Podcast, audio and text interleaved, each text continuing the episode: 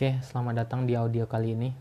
Eh, investasi saham banyak cara untuk orang untuk masuk ke investasi saham atau ya pasar saham dengan beberapa metode ya untuk mendapatkan profit intinya ujungnya. Namun ba- namanya namanya untuk investasi kita harus mengenal ya profil resiko.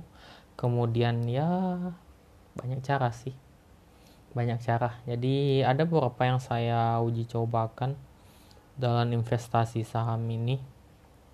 Ya namanya investasi saham ya kadang untung, kadang rugi, tapi yang harus dipikirkan adalah total keseluruhannya kita harus dapat untung. Kalau nggak kita gagal. Nah, dalam tahap ini juga saya masih tahap masih belajar ya. Karena masih belum dapat yang pakem. Eh, banyak teori-teori yang diberikan oleh yang di investasi saham di di video-video di YouTube kebanyakan sih yang gimana ya video-video YouTube banyak menjelaskan bagaimana cara menja- menjadi investor saham pemula. Yang herannya yang buat video pun masih pemula. Jadi untuk apa belajar kepada orang yang udah pemula yang masih pemula? Pemula belajar sama pemula. Untuk apa jadi mengulang apa namanya mengulang kesalahan yang sama.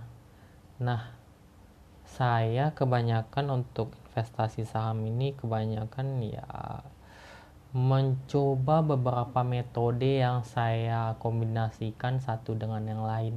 Dan beberapa ambil dari dari apa namanya dari dari ya dari internet dari YouTube. Karena memang masuk ke pasar saham ini memang dari YouTube sih.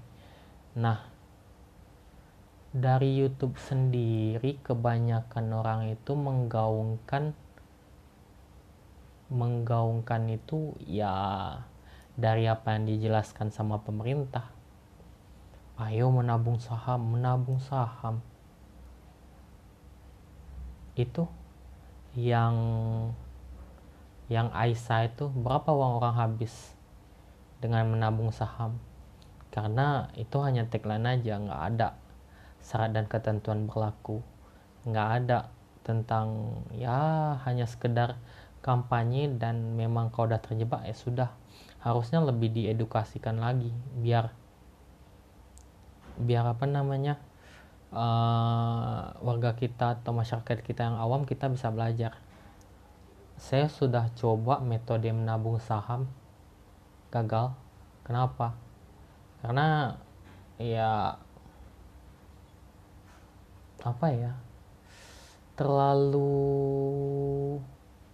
nggak jelas sih nggak jelas ya nggak jelas apa namanya nggak jelas tujuannya apa hanya memindahkan dari uang uang uang apa namanya? Uang di bank pindahin ke saham. Dan saham kebanyakan saham yang dihitung nah sedikit penip, menurut saya tolong kalau salah tolong koreksi sendiri. Menabung saham dan diperlihatkan menabung saham itu dari pasar crash tahun 2008 tahun 98 kemudian di tahun 2018 berharap saham crash kok mengharapkan saham crash kok mengharapkan uh, apa namanya pasar keuangan hancur sih? Untuk apa coba? Harusnya buktinya sekarang kayak sekarang corona. Pasar saham yang akan di pasar saham yang akan di, ditunggu-tunggu hancur. Jangan bukan pasar uh, sorry pasar keuangan yang ditunggu jangan.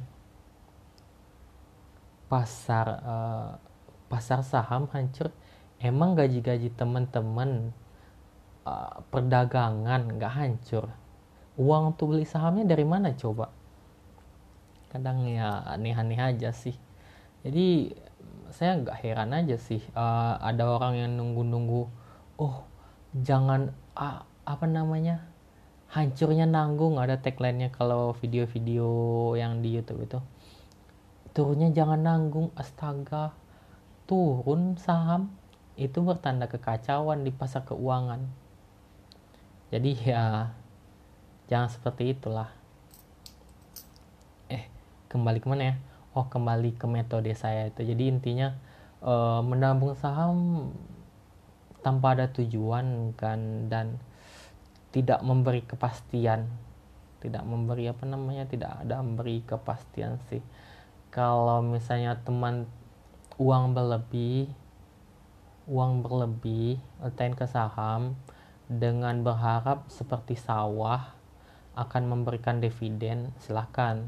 Tapi kalau menabung saham suatu saat itu itu akan kembali lagi ya uh, tidak ada yang pasti jangan. Kalau misalnya itu adalah harta satu-satunya janganlah. Bagus belikan apa gitu. Belikan tanah belikan emas lebih jelas. Saham lihat-lihat profil resiko. Nah tadi udah menabung saham. Kemudian oke. Okay, menanam. Menanam pohon. Yang yang kedua metode saya tadi menabung saham. Teori yang di apa namanya teori yang dilakukan oleh pemerintah. Kedua menanam saham. Menanam saham ini apa bedanya? Saya mengambil time frame-nya itu 12 12 bulan. Jadi gini uh, portofolio saya ada punya 12 saham dengan beberapa saham yang berbeda. Sektornya boleh uh, enggak uh, sektornya juga nggak apa-apa sama. Nah metodenya itu saya beli 12 saya letakkan harganya kata semuanya. Kemudian uh, saya tanam. Tap tap tap tap tap. Kan namanya 12 pasti di antara itu pasti ada yang tinggi lah ya. Ada yang tinggi. Nah salah satunya tinggi satu oke? Satu tinggi. Nah, yang tinggi ini kita ambil, kita tarik tadi cabutnya kan udah panjang ini. Anggaplah nanam pohon kan udah panjang itu talinya kan. Ah, hop, ditanam. Kemudian tanam lagi dengan membeli saham yang murah. Hop. Nah, dengan begitu banyak saham yang tumbuh lagi. Nah, tumbuh, tumbuh, tumbuh. Kan, itu uh, dengan begitu sahamnya itu akan tumbuh lagi. Oke di bulan Januari udah dapatkan tercabut satu tanam lagi di tempat lama. Jadi akan menggulung. Nah di Februari juga gitu. Oh Februari mana yang tanamannya lebih tinggi atau sahamnya untungnya lebih tinggi? Nah itu diambil hub cari tanam lagi yang sahamnya kira-kira lebih murah gitu. Jadi 12 bulan. Jadi dalam tangan kita aktif dalam satu 12 bulan itu itu yang tanam saham kelemahannya apa? Ini kalau pasar normal ya. Tapi kalau saat pasar crash nggak ada yang mau ditarik. Nggak ada yang mau ditarik. Cukup cukup dalam sih. Dan juga oke okay, itu yang kedua. Yang ketiga Bollinger Band.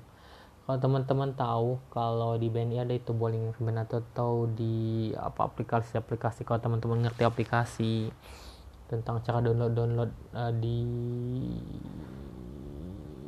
window pasti bisa. Jadi uh, bowling band itu kan biasanya ada garis atas garis bawah garis tengah. Nah ketika sahamnya itu mendekati atau tersentuh garis tengah itu ambil posisi beli kalau saat itu. Nah posisi beli dan jaraknya harus satu hari. Jadi misalnya oh misal malam ini kan malam ini hari Senin besok hari Selasa oh sepertinya uh, garis tengahnya itu akan dia akan lewat tiga setengah itu. Besok pagi di jam 9 beli. Kemudian tunggu sampai dia arah-arah naik ke atas. Garisnya itu mendekati mendekati atau tidak mendekati garis atas jual. Jadi jaraknya itu kira-kira satu hari perjualan belinya atau satu hari besoknya jual jadi metodenya ini adalah uh, jarak pendek jarak pendek kemudian beli di pagi jual di sore atau jual di besok paginya. Bollinger Band ini? Kalau menurut saya sih lihat-lihat chartnya ini kira-kira 70% atau 75% akurat. Jadi kalau misalnya udah pas waktu beli di jam 9 ada tanda-tanda akan menukik langsung jual cut loss. Itu sih. Jadi ya bagus sih yang ketiga inilah yang teori yang saya sebutkan di audio sebelumnya teori mancing. Hampir sama dengan nanam. Jadi jaraknya itu kalau menanam itu 12 dan sahamnya 12 juga. Tapi kalau saham yang memancing ini sahamnya satu dan talinya panjang. Jadi ada backup backup backupnya. Jatuh beli lagi. Jatuh beli lagi. Jatuh beli lagi. Akan jatuh kan di bom timnya average down. Tapi average downnya panjang banget. Dan belinya sedikit jadi kayak metode menabung saham resikonya ya tapi kalau misalnya menabung saham resikonya ya ketika pasar hancur hmm, bukan saat pasar ketika uh, jadi pak uh, menabung uh, tidak ada yang bisa mastiin akan untung di tahun depan. Dan kebanyakan ya uh, contoh-contoh yang diberikan di YouTube itu dia dari pasar crash pasar crash tentu yang di 10 tahun kemudian pasti bagus karena dia di titik terendah. Kemudian uh, itu ya jadi kemudian ada menab menanam saham. Ini resikonya ya pasarnya harus normal ketika pasarnya goyang akan pasti jelek. Kemudian bowling band bowling band bagus tapi ya teman-teman harus siap di komputer di monitor atau di laptop atau di HP untuk melakukan transaksi beli pagi kemudian lihat chartnya ketika ambil langsung jual.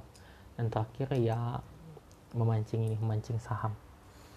Oke uh, mancing saham saya belum tahu resikonya apa. Nanti ketika uji coba ini saya dapatkan saya kasih tahu hasilnya. Oke terima kasih teman-teman. Sampai jumpa